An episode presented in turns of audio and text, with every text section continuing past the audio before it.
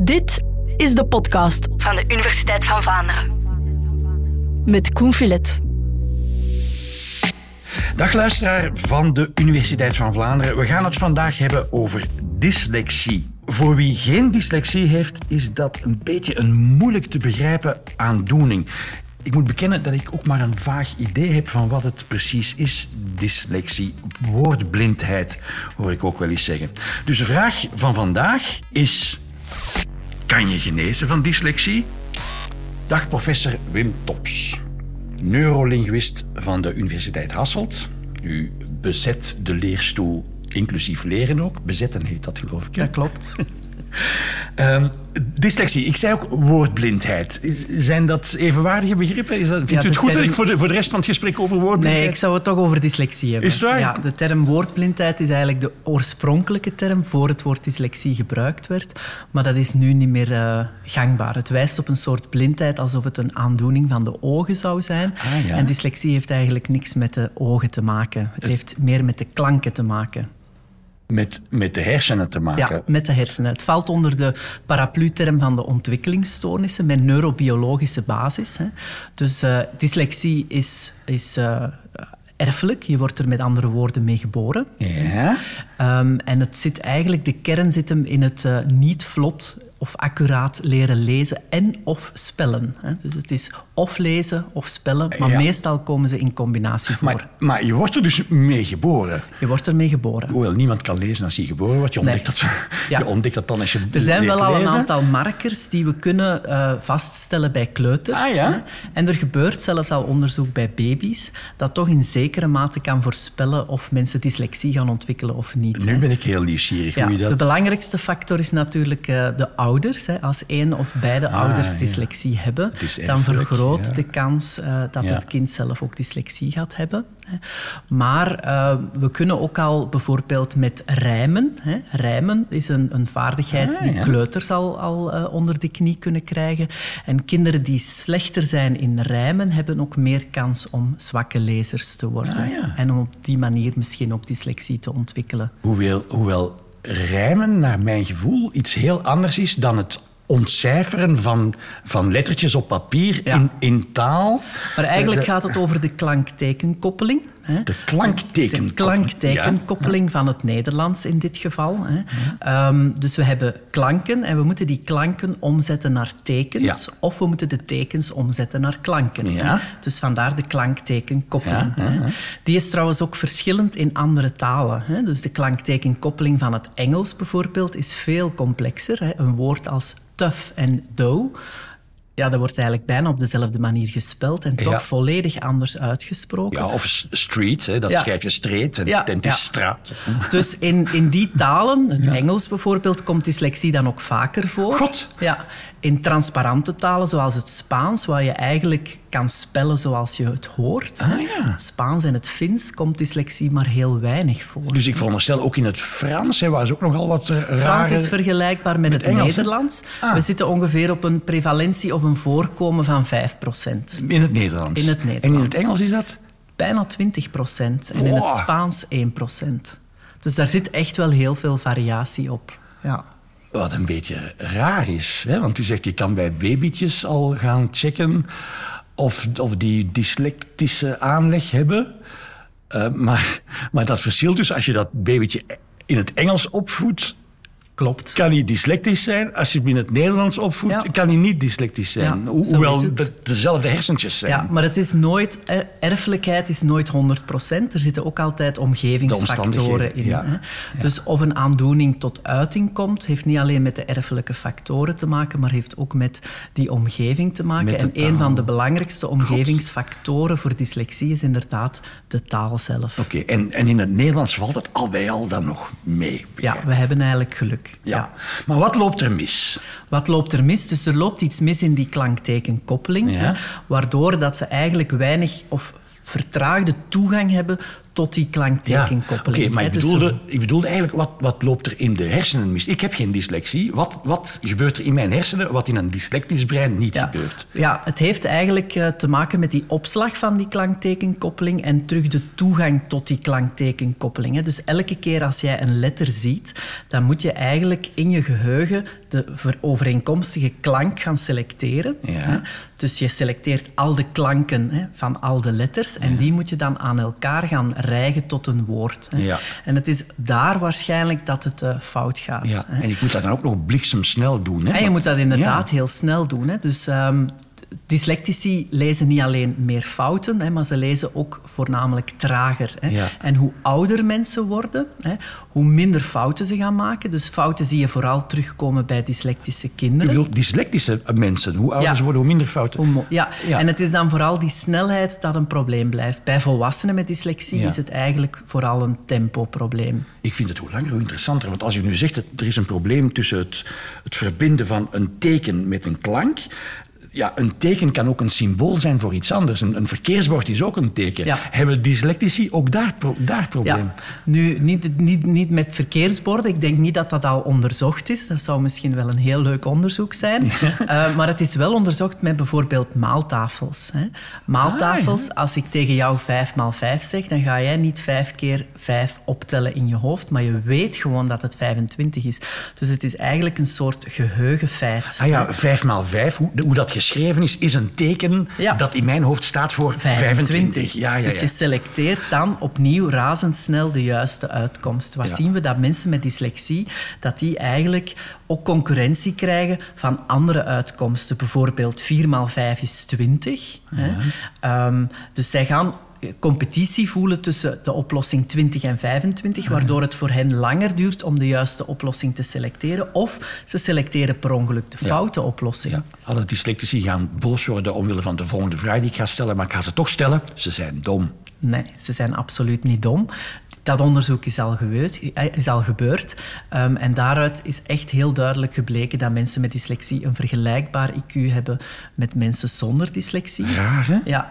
Op bepaalde onderdelen binnen de IQ-test kunnen ze misschien iets lager presteren, maar op andere presteren ze dan misschien Ah ja. iets beter. Omdat, voor zover ik weet wat IQ-testen zijn, je moet kunnen lezen om IQ-testen op te lossen. Nee. Nee, de, de vragen worden altijd mondeling Ah ja, gesteld. ja, hè. ja, ja. Ehm, dus je moet wel een goed geheugen hebben, een goed onmiddellijk geheugen.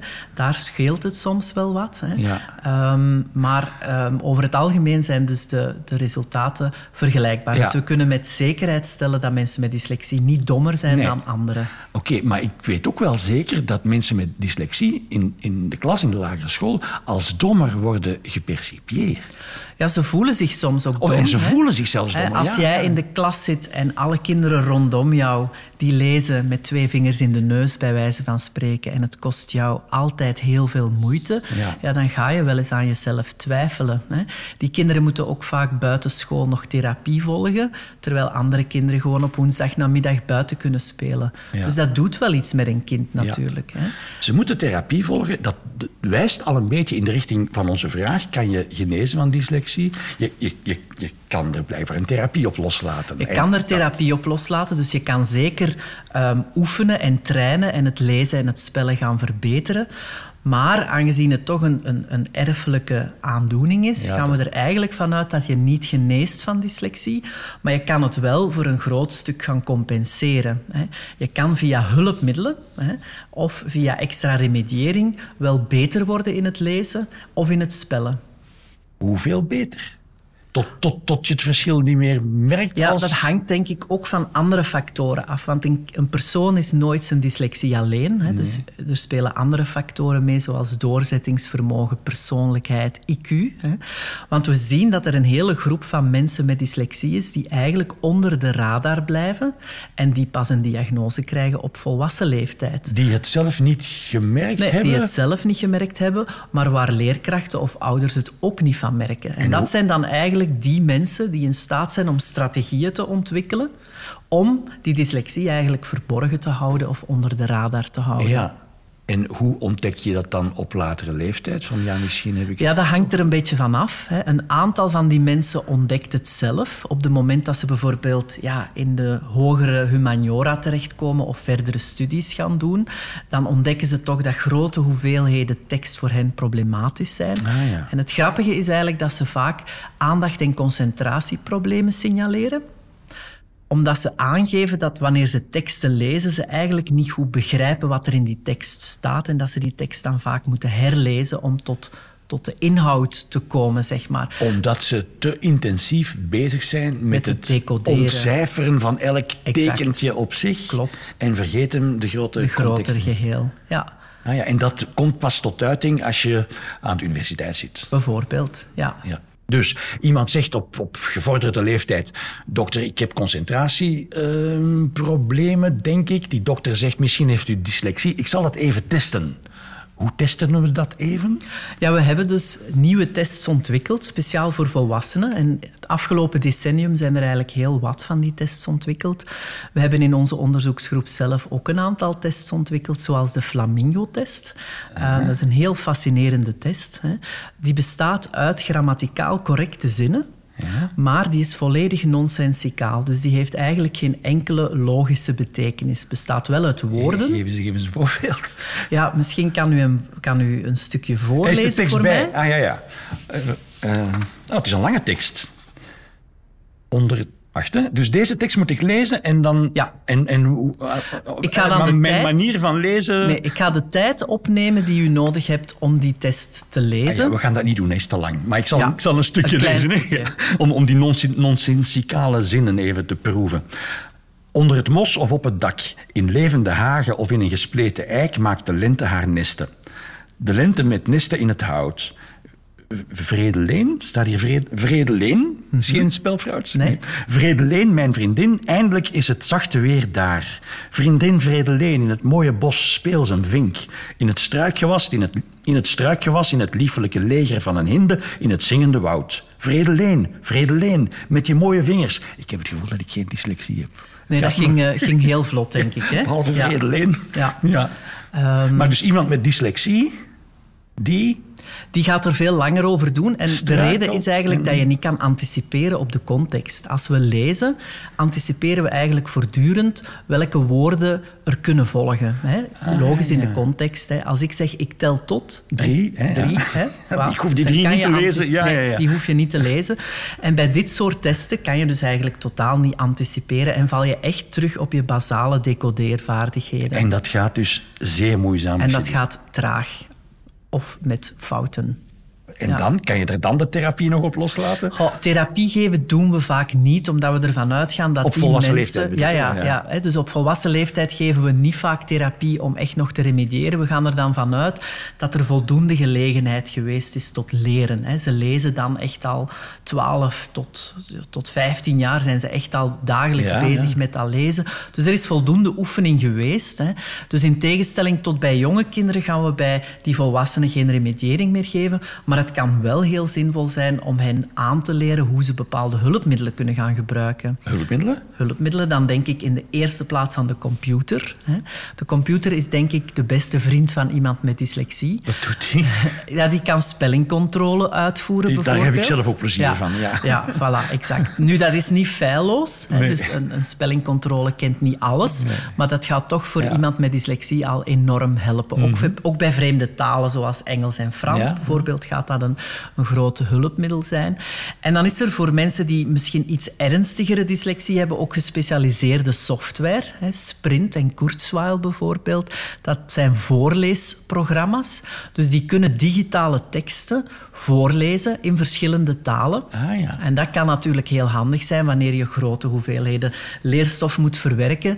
Dat je Ja. dat aan de computer kan laten voorlezen op je eigen tempo. Je kan ook de stem kiezen, dat die een beetje aangenaam Maar- is voor jou. Maar het blijft lastig, hè? in een uni- universitaire studie, een tekst die wordt voorgelezen, ja, je moet daar toch notities van nemen. Ja, maar die, en- tool, die, die, ons- die programma's hebben extra tools waarmee je bijvoorbeeld ook kan markeren, Ah, dat je er samenvattingen mee kan maken. Dus die tools beperken zich niet tot het voorlezen, maar die hebben echt heel interessante Ja, studietools. Maar goed, het blijft behelpen, toch? blijft Ja. behelpen. Het blijft compenseren van wat oorspronkelijk wel een, een probleem is. In de lagere school kan je, als je, als je een diagnose dyslexie hebt, kan je eh, op een aangepaste manier onderwijs krijgen. Op- In de hogere studies, universiteit Ja, ook? Ja. dat gaat tot en met de, de universiteit. En als Ja. je dan later solliciteert en aan het werk gaat, je werkgever? Ja, ehm, daar is eigenlijk in Vlaanderen nog heel weinig onderzoek naar gedaan. In Nederland staan ze daar veel verder in. Er is ook een organisatie, Impuls en Woordblind, die mensen met dyslexie op de werkvloer begeleidt. Woordblind, ze zeggen het toch nog Ja, ze zelf. zeggen het Ja. toch nog. En ze hebben het dan ook nog met een T geschreven. Ja. Oké, het is een grapje. Ja. maar daar, daar, daar staan ze dus verder Dus in. daar is er echt wel ehm, begeleiding voor mensen met dyslexie op de werkvloer. In Vlaanderen hebben we dat eigenlijk nog, nog niet. Hè. En zijn mensen echt wel op zichzelf aangewezen. Dus het is denk ik daarom ook heel belangrijk om, om leerlingen, studenten met dyslexie goed zelfredzaam te maken tijdens de, middelbare, tijdens de lagere school al, maar zeker ook tijdens Ja. de middelbare school en hun verdere studies, zodat ze eigenlijk in hun loopbaan zo weinig mogelijk hinder nog gaan ondervinden van hun dyslexie. En ze kunnen natuurlijk de computer blijven gebruiken, ehm, Ja. dat wel. Ja. Ik zat mij nog af te vragen, soms heb je dat hè, met van die neurologische aandoeningen, dat het probleem samengaat met een bepaald persoonlijkheidstype of met kwaliteiten ook. Is dat bij, bij dyslexie ook het geval? Ja, dat is heel Zijn dat creatieve mensen? Heel interessant. Er is eigenlijk recent wel een debat op gang gekomen over wat we noemen de neurodiversiteit. Ja. Ehm, dus men zet dan de neurodiversiteit af tegen de neurotypiciteit. Hè. Mensen En zonder een neurotypisch is dan het, het tussen aanhalingstekens, normale. Oh, normale, Klopt. u het zegt, want anders... Ja. Ja. En ehm, dus die, die neurodiversiteit van dyslexie is eigenlijk nog niet heel veel onderzocht, maar er is intussen wel meer en meer interesse voor. We zijn recent in, in Hasselt ook met een onderzoek gestart om toch eens te gaan kijken of mensen met dyslexie nu ja, sterktes hebben, bepaalde vaardigheden hebben ontwikkeld. Het zou niet heel onlogisch zijn, hè, want stel dat jij vanaf, vanaf de leeftijd dat je leert lezen met problemen geconfronteerd wordt. Hè, want lezen en spellen zijn problemen. Dus je moet eigenlijk elke dag oplossingen zoeken voor jouw problemen. Dus het is niet vreemd dat je dan wel creatief wordt in het bedenken van Ah, ja. oplossingen. Dat je eigenlijk een specialist-probleemoplosser wordt. Ja. En dat je daarin misschien beter bent dan de gemiddelde. Ja. En dat heeft dan niet met de structuur van je hersenen te maken, maar met het jarenlang omgaan met je eigen Ja, maar een, beperking. een, en- blij- een brein is ook plastisch. Juist, hè? ja, Dus ja, dat brein kan zich ook aanpassen. Hè? Dus als jij eh, andere delen van je brein extra gaat aanspreken, ik zeg maar het visuele stuk van je brein, dan kan het zijn dat zich dat als gevolg van dyslexie meer gaat ontwikkelen. Oké. Professor Tops, we waren begonnen met de vraag, kan je genezen van dyslexie? Ik denk dat ik het antwoord ken. Het antwoord is nee. Nee, ja. Nee. Maar het hoeft niet zo negatief te zijn. Hè. Je kan wel leren om om te gaan met die dyslexie en de impact van die dyslexie zoveel mogelijk gaan beperken. Wim Tops, dank u wel.